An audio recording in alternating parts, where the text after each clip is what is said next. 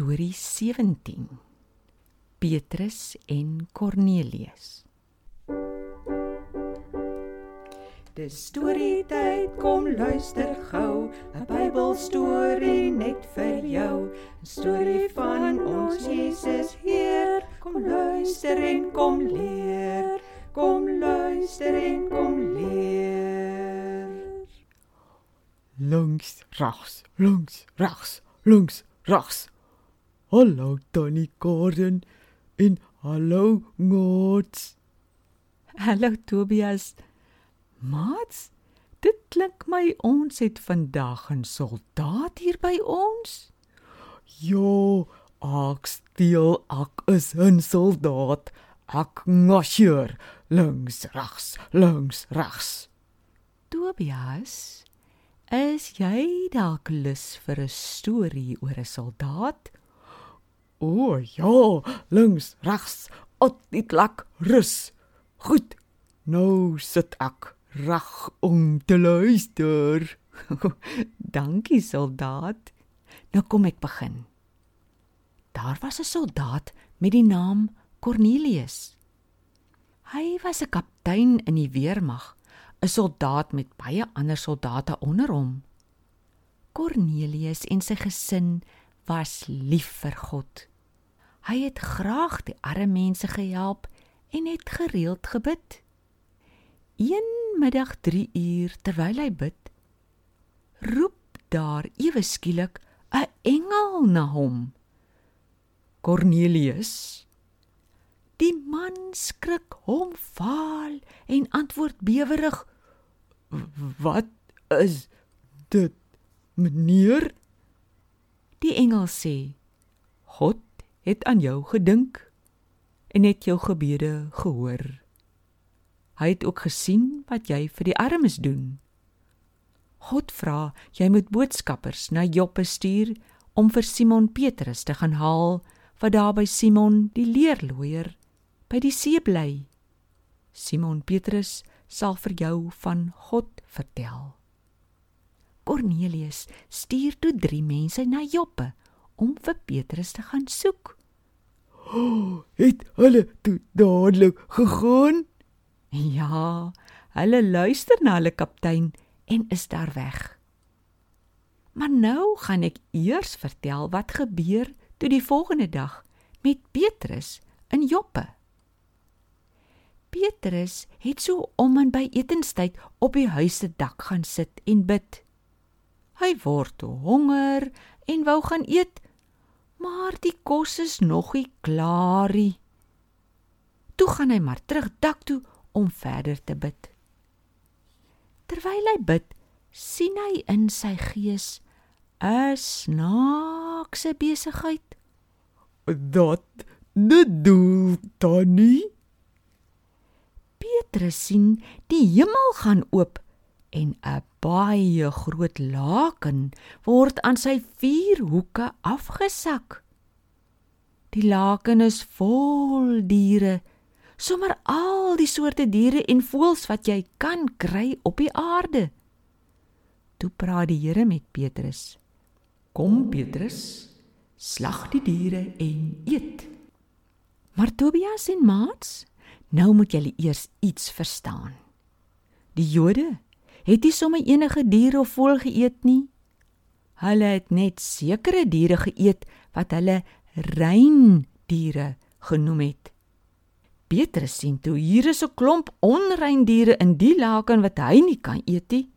Hy antwoord: "Nooit nie, Here. Ek het nog nooit onrein diere geëet nie." Die Here praat toe weer: "As God sê iets is rein, kan jy nie sê dis onrein nie." En weet julle, die hele storie gebeur 3 keer. En toe gaan die laken weer op in die hemel in. Oh, shoot, Daddy. Dat dit teken dit.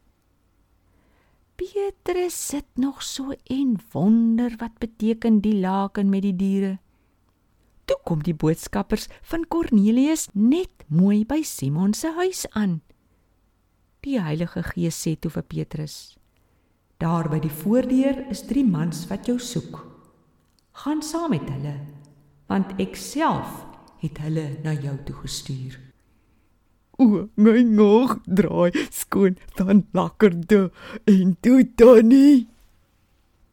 Petrus klim toe van die dak af en ontmoet die drie manne. Hy sê: Dit is vir my wat julle soek. Hoekom is julle hier? Hulle antwoord dadelik dat kaptein Cornelius hulle gestuur het omdat 'n engel vir hom gesê het hy moet iemand stuur om vir Petrus te soek. Petrus nooi hulle binne en vra hulle moet die aand oorslaap. Die volgende oggend gaan Petrus en nog 6 gelowiges saam met die drie boodskappers na Caesarea. Hulle kom toe eers die volgende dag daaraan. Het Cornelius alser hulle gedag? Ja.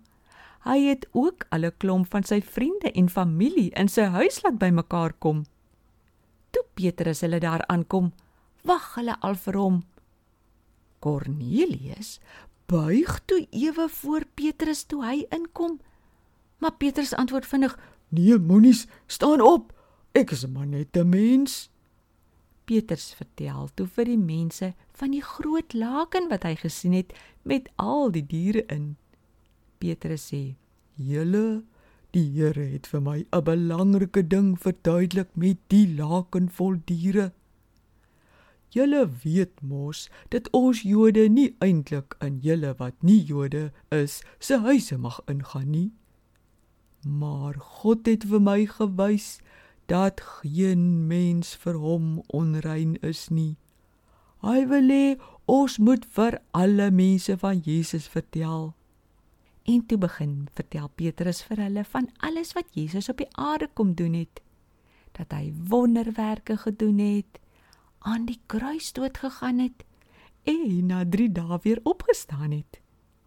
Petrus het ook vertel dat hulle in Jesus kan glo en dan sal God al hulle sondes vergeef en hulle gaan saam met hom in die hemel wees.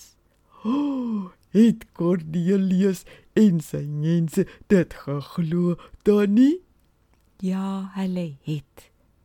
Terwyl hulle nog so luister en in hulle harte begin glo, kom die Heilige Gees op almal wat sit en luister. Die mense begin om God te prys en praat ook sommer in ander tale.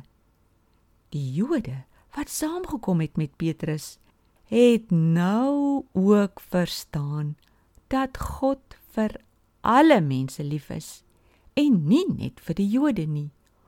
O, wonderlik, fantasties, Danny. Dat gebeur toe. Petrus en die ander gelowiges was so bly. Petrus het gesê: "O, ons is so opgewonde dat die Heilige Gees nou in julle woon." Kom ons doop julle in water as teken dat julle ou lewe verby is en 'n nuwe lewe vir God begin het. Hulle is dadelik gedoop en het vir Petrus hulle gevra om tog nog 'n paar dae by hulle te bly om hulle nog meer van Jesus te vertel. O, die lekker kruis storie gaan ek nou vir almal vertel dat wil luister. Julle verskoning nou asseblief. Akong luister deur. Totsiens. Ai, jy's altyd so haastig hier uit Tobias. Maar dis reg. Die stories moet oorvertel word. Ons gesels weer, maats. Ek sê ook maar totsiens. Links, regs. Huis liter ngai. Huis liter jou. Links, regs. Links, regs. Huis liter ngai. Hy's lief vir jou. Links, regs.